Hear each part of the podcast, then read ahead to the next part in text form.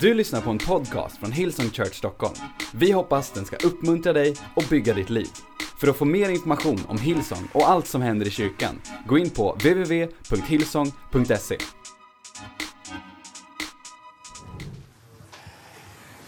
We're going to sort of pick up where we left off this afternoon.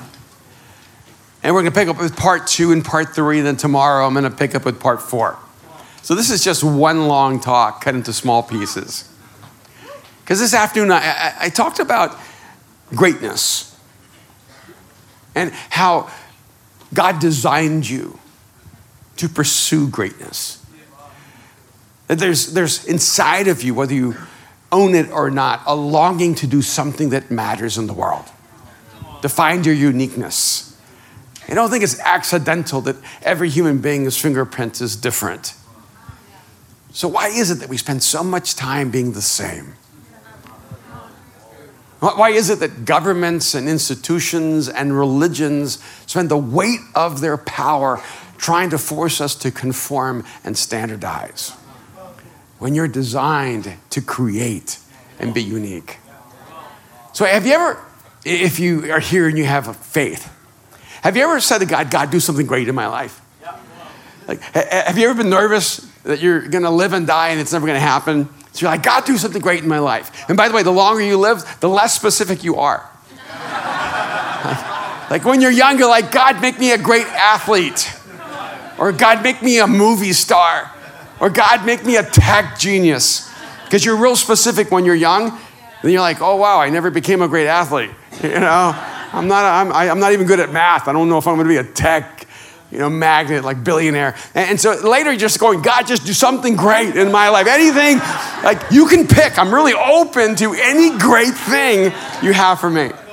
But sometimes I feel like me and God, we have a communication problem. Because I pray for one thing and he does something different. And I'm like, I don't think you're getting me. See, as, as a Latino, I, I know that language is a very, eh, all right.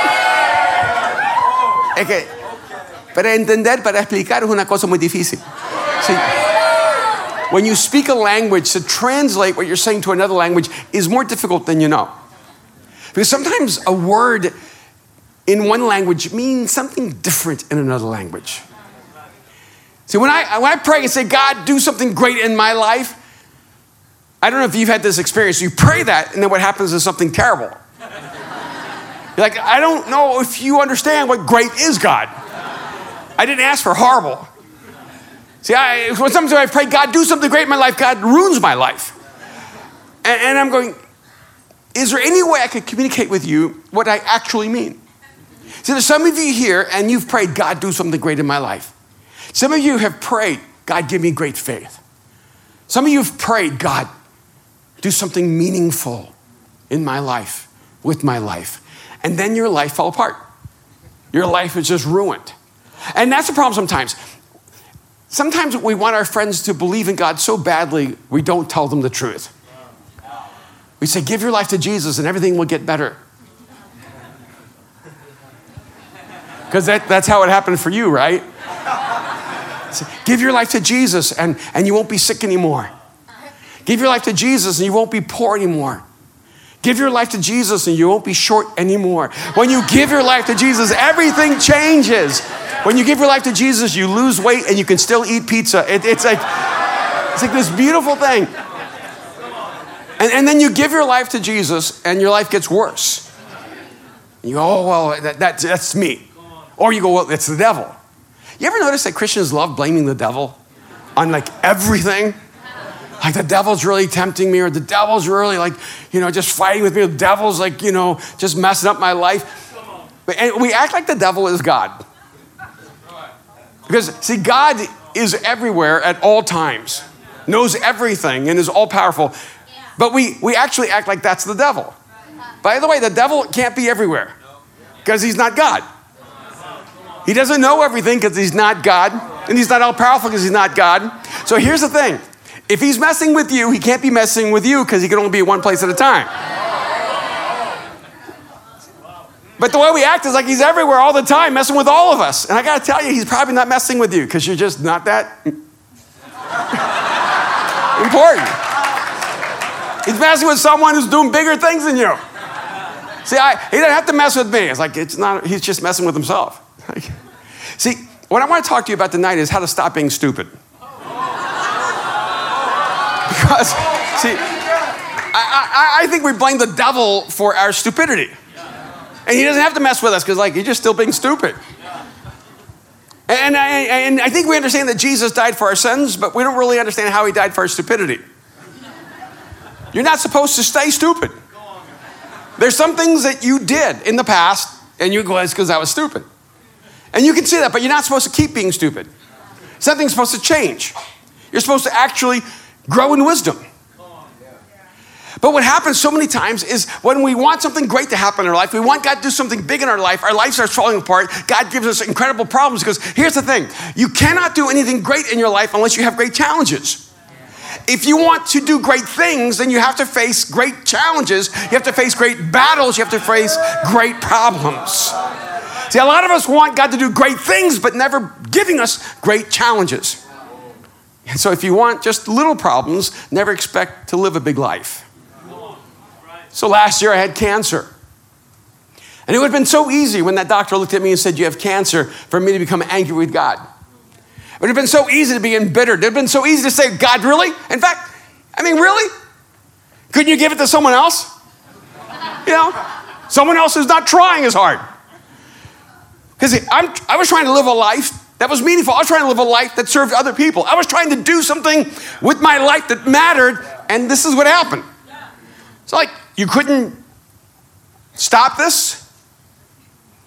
See, I think what happens to so many of us is in those moments where God wants to meet us and do something so powerful in us. Those are the moments we actually become angry with God, bitter with God, and actually pull away from Him rather than lean into Him.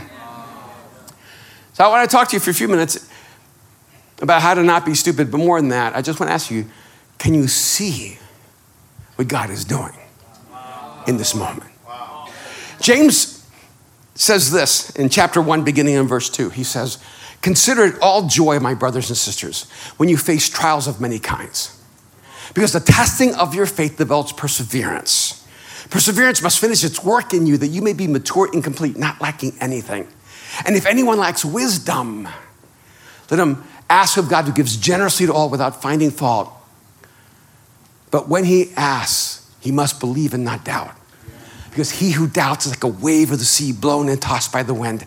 That person should not expect to receive anything from the Lord. He is a double minded man, unstable in everything he does.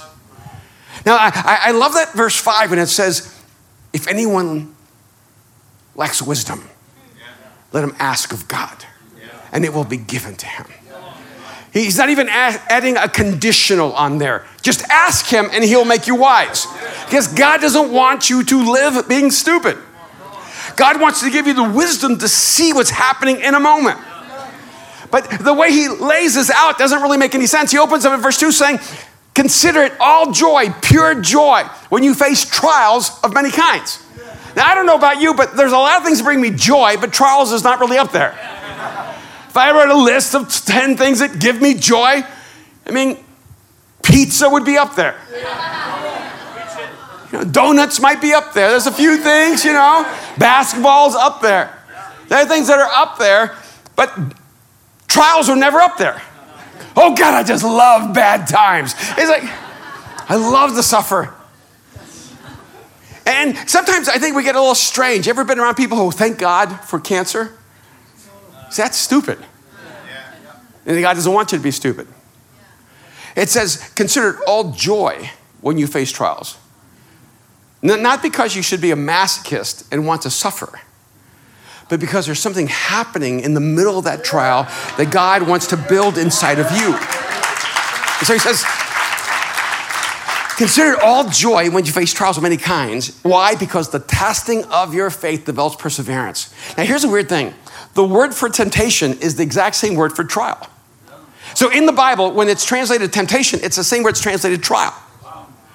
And the only difference is that when it comes from God, it's a trial. When it comes from the evil one, it's a temptation. Another side to this is that it's a trial or a temptation based on how you respond. It's a temptation when you succumb to it. And it's a trial when you overcome it. But God never puts you in a trial so that you can fall. See, God never puts you in any situation in life to bring you down. It says the testing of your faith develops perseverance. God puts you into a trial, into a hardship, into a difficult moment because He wants to forge something inside of you so powerful that it can overcome everything you face. And because it'll develop perseverance. Now, perseverance isn't really something I've always wanted. I wanted to be smarter, more talented, funnier. I never thought, oh, I want to have more perseverance. It's not really sexy. Right? You don't want to be, oh, wow, you have so much perseverance. Thanks. But perseverance must finish its work. Perseverance has a work it has to do inside of you, making you, ah, here it is, mature and complete. See, some of you are growing older, but you're not growing mature. Just because you've believed in God for 20 years doesn't mean you have 20 years of maturity. Because I, I, know people who just keep cycling to the same stupid thing over and over and over again. They keep making the same mistakes over and over and over again, and they never seem to learn from their mistakes. You, you, you ever had a friend that she's always dating the wrong guy? You know, it's not the same guy, but it kind of is the same guy, just a different name. And, and you're wondering, why does she keep going back to the same guy? It's because she keeps recurring the same stupidity. And so she's looking for someone who reflects what's actually inside of her. Because sometimes we go, oh, he's such a great guy except for her. She's such a great person except for him. No. See, you're drawn to what's actually inside of you. And until you change, you don't change your circumstances. Your inside world creates your outside world. And so what happens here is God says He's trying to do a work that makes us mature and complete so we're not stupid anymore. Not lacking anything. Wouldn't it be wonderful if you could live life knowing you don't lack anything? That God and you are so connected that you're not missing anything in your life. When I uh, became a follower of Jesus, I was in college and I went right away to get my master's degree. And I had a cousin who was messed up in some um, uh, creative underground economies. And, uh, and he owed some people money for uh, a work product that um, he did not deliver on. And, and he was in danger for his life. So he called me up, and I jumped in and kind of helped him through the situation. And I took all the money I had to get him out of the trouble he was in. And then I was supposed to go get my master's degree, and I just had a couple hundred dollars left. And the tuition for the school was $220. I still remember this. And I had $231. And I caught a ride from one part of the United States across the country with some guy I had just met like the week before at a Bible study. I found out he was driving across the country and he said, I have enough room for you and maybe one bag, but I can't take anything else. So I said, It's fine. So I took my guitar and me, and that was about it. Went across the country, went to the school. I couldn't, um, I didn't have a place to live. I was sleeping on people's floors. I had no money to eat. I was literally walking down the streets looking for change. I didn't have a car, didn't have a job. And I started reading this particular promise. If anyone lacks wisdom, let him ask God to give generously to all without finding fault. But Erwin, you need to consider all joy when you face trials of many kinds. Because there are moments in your life you just feel overwhelmed. You're like, God, where are you? Why aren't you showing up in my life? See, what God wants to do is He wants to give you the eyes to see such beauty and wonder in the worst moments of your life that they actually bring you joy. Because it's not the trial that brings you joy. It's the promise that God's going to meet you in that moment that brings you joy. Imagine, imagine if you could see, see, a trial is just an environment for God to show up in your life. It's not a trial if you're bigger than the moment. It's a trial if the moment is bigger than you. But some of us, we have such little faith and such little lives that we're suffocating God out of our existence. See, for God to show up, we need to be in a moment bigger than us so that God can step into it. And God wants to give you a moment so big, it terrifies you. God wants to give you a challenge so big you know you cannot overcome it by yourself. God wants to give you a trial so huge that there's room for Him to meet you in it. And, and I remember here I was in school and I started reading this. And I said, why? Why in the world, God, should I consider joy when I face trials? What is it inside of a trial that should give me joy? And in fact, it doesn't just say give you joy, it says give you all joy, pure joy. The highest experience of joy should come to us in the middle of a trial. Isn't that crazy? Well, then I realized that there's a connection here between Jesus and Matthew chapter 4, verses 3 and 4, where it says that the tempter came to Jesus because he was out in the desert for 40 days and 40 nights. He hadn't eaten for 40 days and 40 nights. He kept from himself what his body needed for 40 days and 40 nights. And Jesus was fully man as well as fully God. So his body was screaming for food. And the tempter come, came to him and said, If you're the Son of God, turn these stones into bread. See, he knew exactly where to speak to Jesus where he was weak. I'm sure Jesus could almost smell those stones turning into bread the aroma of a meal he longed for. And then Jesus looks at him and says, Do you not know that man does not live on bread alone, but on every word that proceeds from the mouth of God? Now, I've heard this verse so many times, and you know how people always interpret it? You see, Jesus didn't need food, he just needed to read his Bible. That is the stupidest application I've ever heard. He didn't want to read his Bible, he wanted to eat his Bible. That's not what Jesus is saying to him. Jesus isn't spiritualizing it, saying, I don't need food, I'm God. I just need to read the Psalms. And that will soothe my soul. Now, what Jesus was saying to the evil one was this You don't understand. If I turn those stones into bread outside of the will of my Father, those stones, though they were bread, would leave me starving. See, man does not live on bread alone, but on every word that proceeds from the mouth of God. But Jesus is saying is it's not the bread that meets my needs, it's that God spoke into that bread and it brings me life. See, Jesus started making a connection saying, I'm the bread of life and I'm the living water. You know he's actually telling us? That everything that meets our needs, the oxygen in this room that you're inhaling, it only gives you life because God has spoken into the oxygen so that you can live. See, the, the water you drink that quenches your thirst, it only quenches your thirst because God has spoken into that water. See, whether you believe in God or not, I want you to know that God has spoken into creation, and all of your life is a gift from God to you.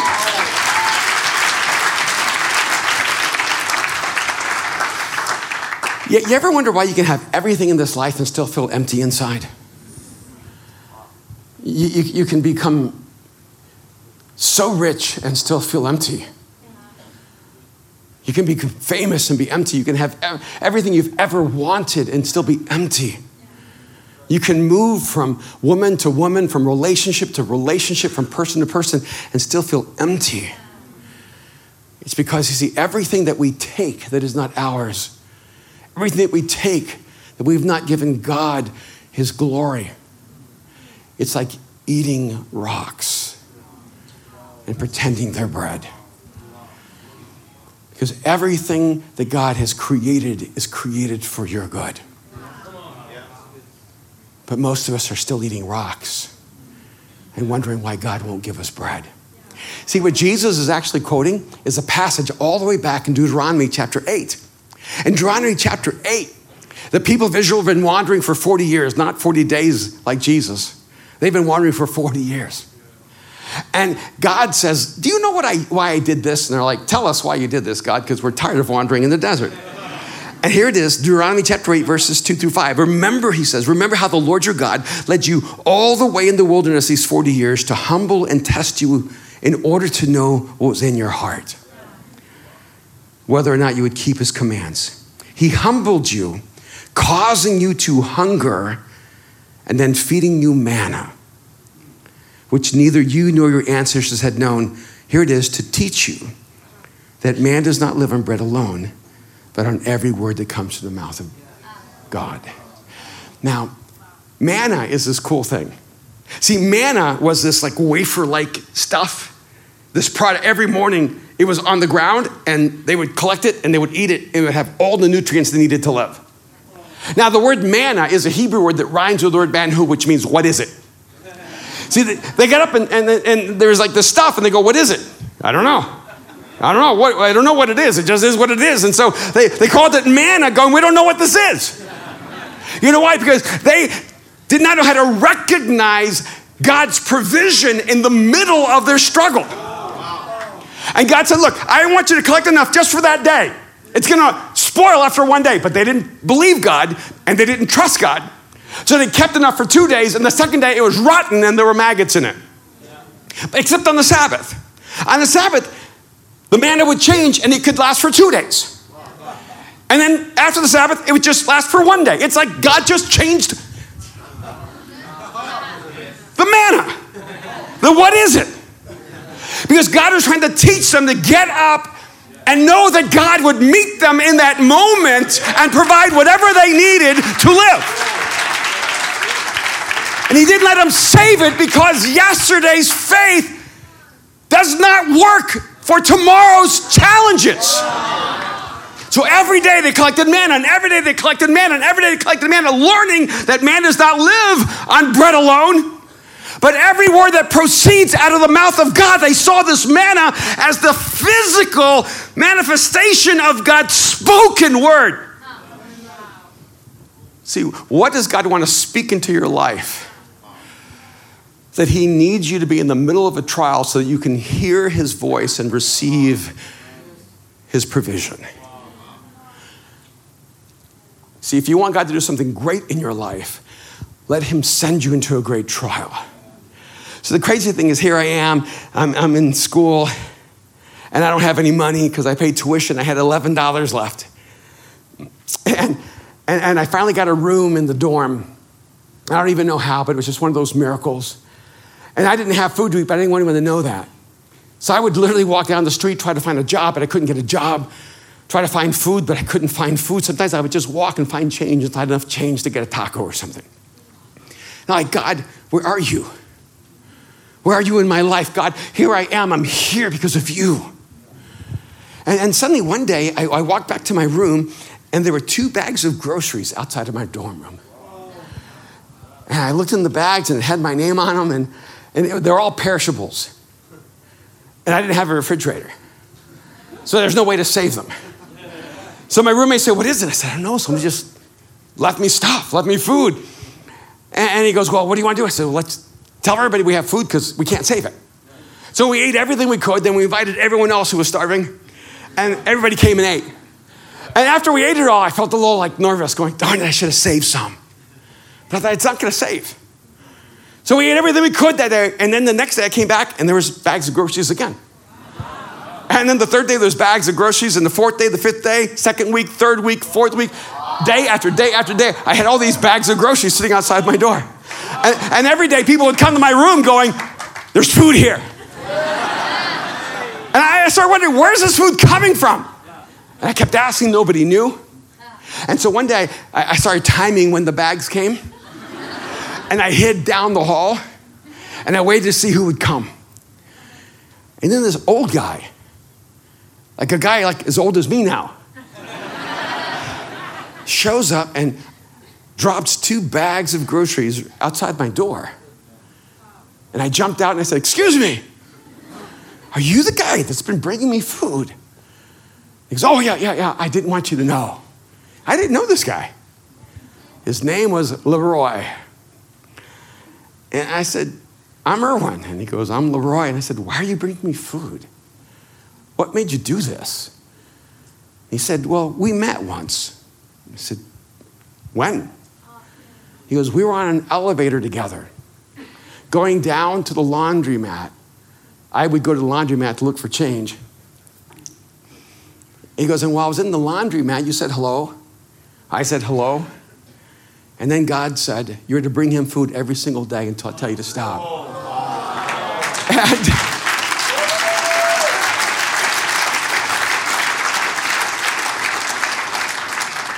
See, so many of us want God to do the miraculous in our life, but we don't want to go through the desert with God. And so they told me I had cancer. And, and, and I told myself, as I share with my family, uh, you know, I'm going to feel whatever I'm going to feel.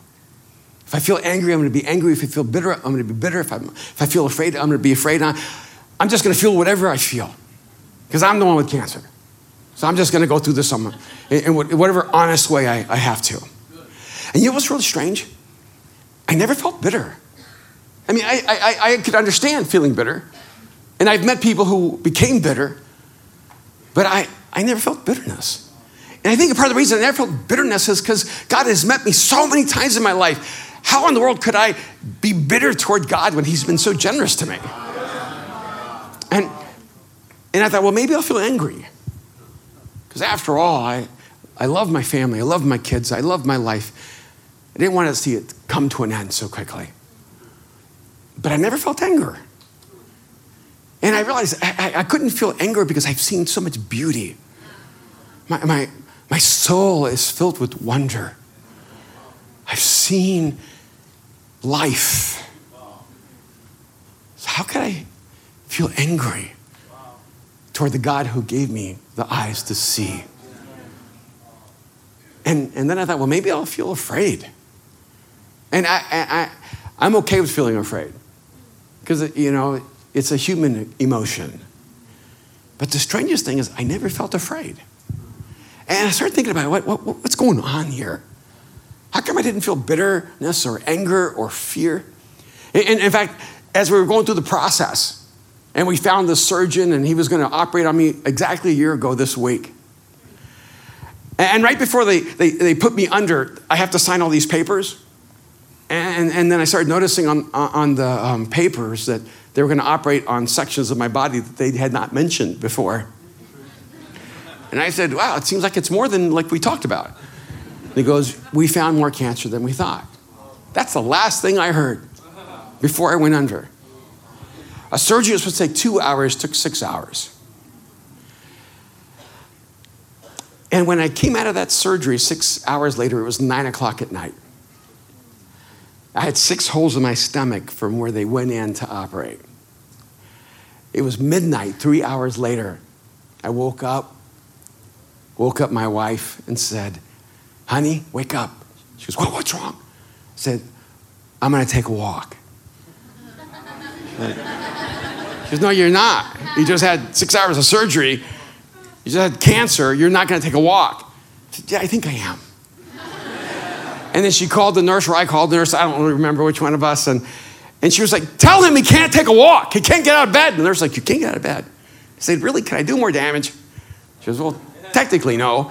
And, and I said, Then I'm getting up and I'm taking a walk. And, and, and then she said, Well, you're going to need painkillers. Can I give you some painkillers? And I said, No. So that's the whole point. I want to feel this pain. Because if I can overcome this pain, I can face anything that's ahead of me. See, I think a lot of us, we want the greatness that's inside of us. We want God to do great things in our lives, but we are not willing to face the pain that we need to get through to find our greatness.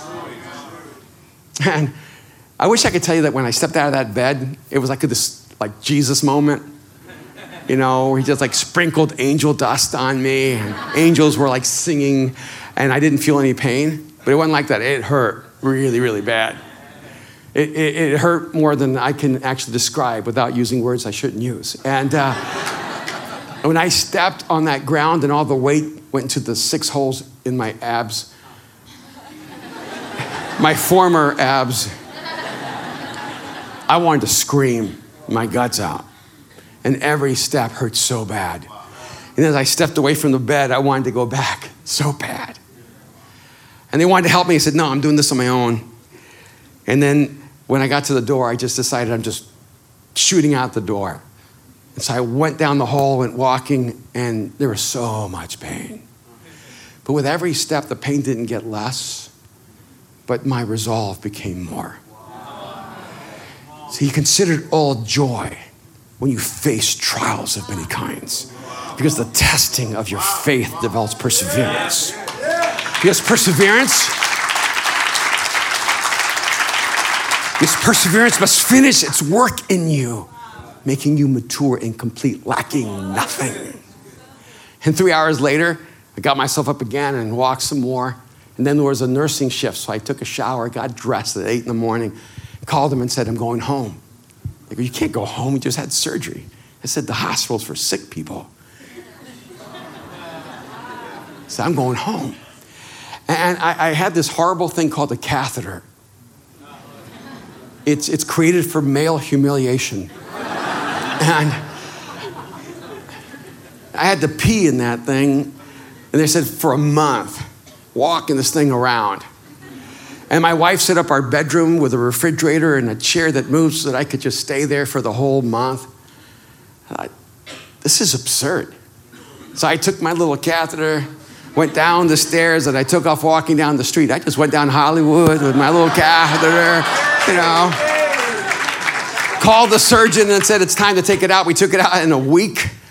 I kept saying, What's the world's record? He goes, What? I said, The world's record for the fastest anyone's gotten this thing out. I go, What's the world's record for the fastest a person played basketball after he had surgery? And my surgeon said, I don't know if there's a world's record for that. I said, Good, then I get it. and three weeks after I had surgery, I dropped my sports bag down the stairs and so my wife wouldn't see it. And I said, Sweetie, I'm going to get out for a little while. I'm, I'm claustrophobic. And she goes, What do you mean you're getting out? I said, Yeah, I'm going to just take a drive and see some of the guys. She goes, Don't do something stupid. Why would you say that? And I rented a gym and we met over in the basketball court and we played for two hours. And yeah, I was bleeding because the glue wasn't holding. You know? But my three point shot was dropping, so I knew Jesus was with me. Because you know what I've learned? Is that if you want to live the life God created you to live, you got to live in the what is it. You got to live in that space where you go into the desert, you go into the wilderness, you go into the unknown, you go to those spaces that are bigger than you, those spaces that terrify you. You need to face challenges that are bigger and greater than you so that in that moment you're overwhelmed with joy. And people go, Why are you so filled with joy when your life is in ruins? You go, You don't understand. When I see a trial, it's like a green light coming from eternity saying, God is about to move in your life.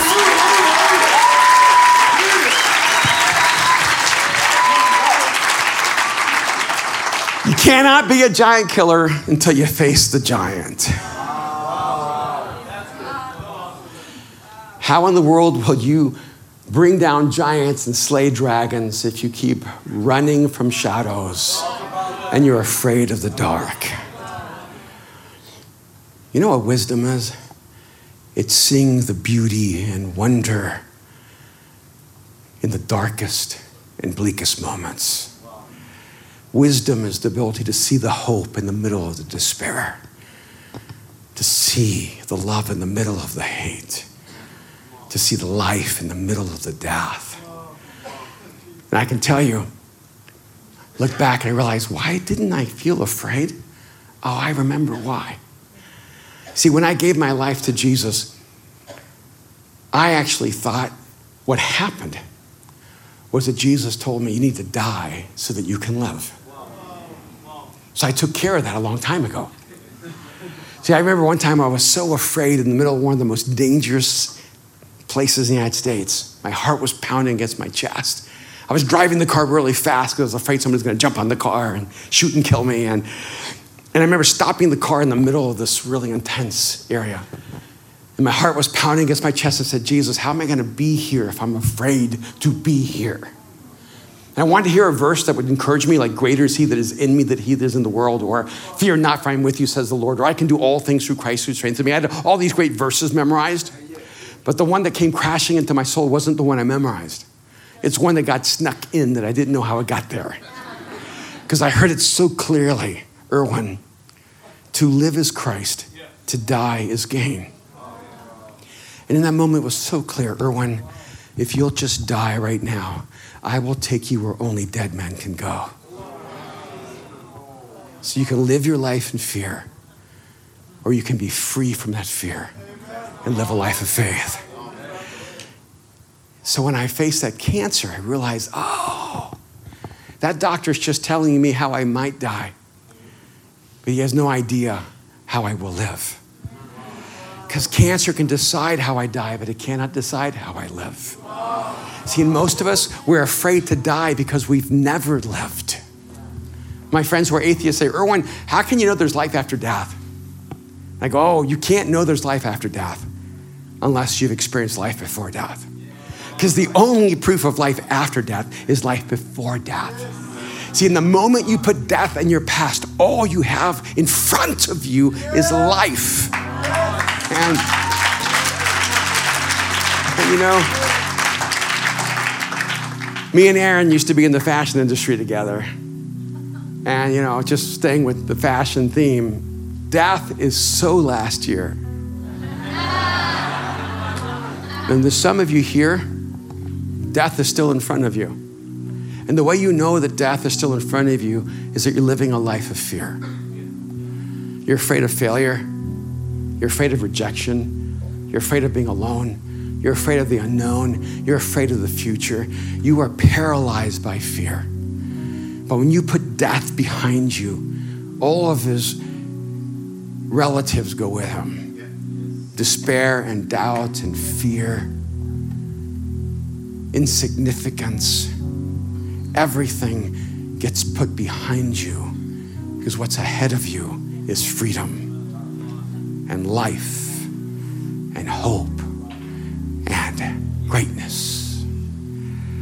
There's a life God has for you, a future that's waiting for you. But your future is waiting for you just on the other side of your fears. Because what you fear establishes the boundaries of your freedom. And some of you have cruel masters, but you're so afraid. But Jesus wants to set you free from that. What would happen if we became fearless? If we put death in our past and only life in our future? What would happen in your life right now if you had the ability to see in the middle of the trials the miracle that God is bringing in the moment? What would happen if you could see the beauty and wonder? You know what you'd stop doing? You'd stop blaming the devil for your stupidity. You'd say, Yeah, no, that's who I used to be. But now I see clearly. And I'm not going to lose sight of the future God has for me. I just want you to bow your heads with me just for a moment. There's some of you here right now, you're just so full of fear. You're overwhelmed with anxiety. You're worried about everything. You're afraid of failure and rejection. You're afraid of the future. You're afraid of death. You're just afraid.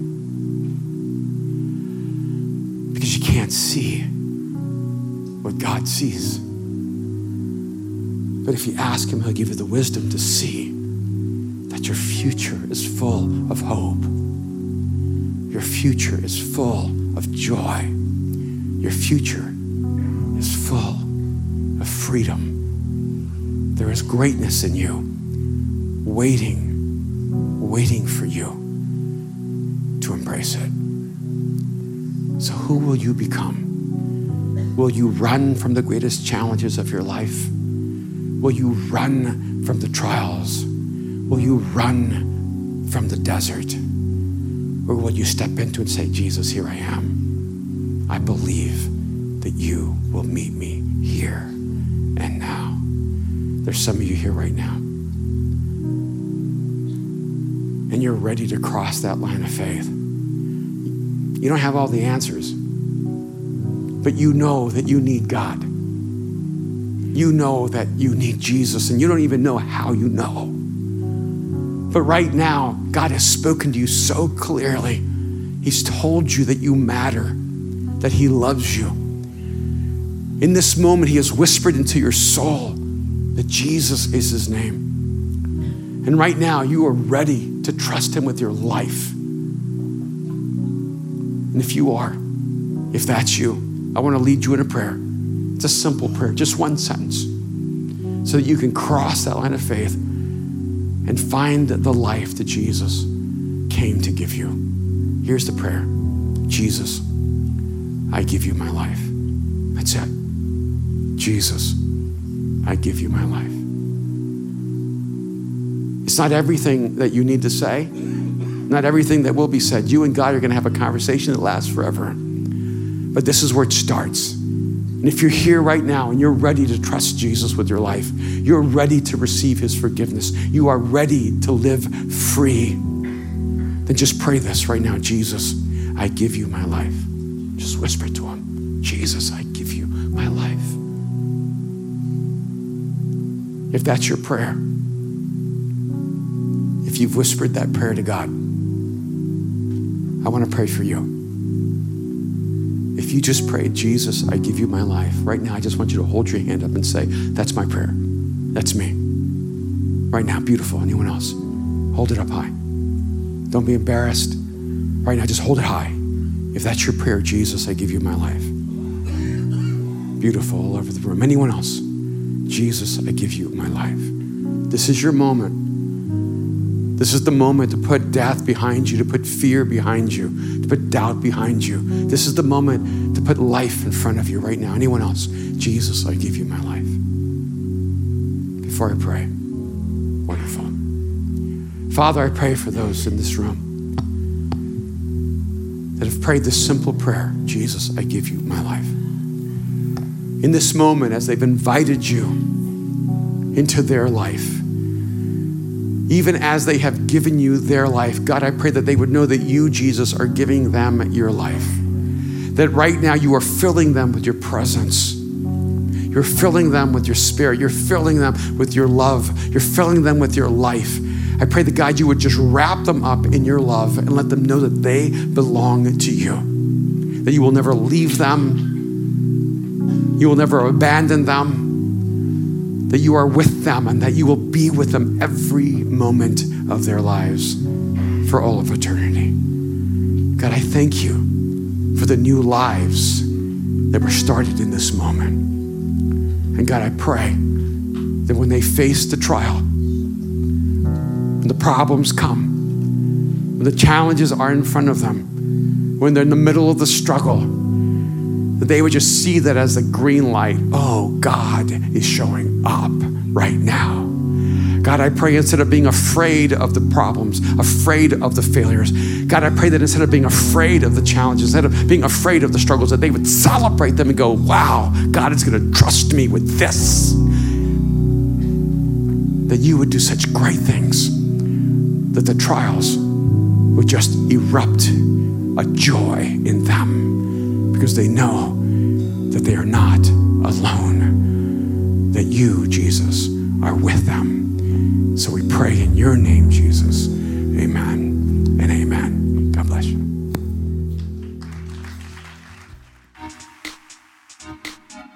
Du har lyssnat till en podcast från Hillsong Church Stockholm. Om du vill veta mer om vår kyrka eller om våra söndagsmöten, surfa in på www.hillsong.se.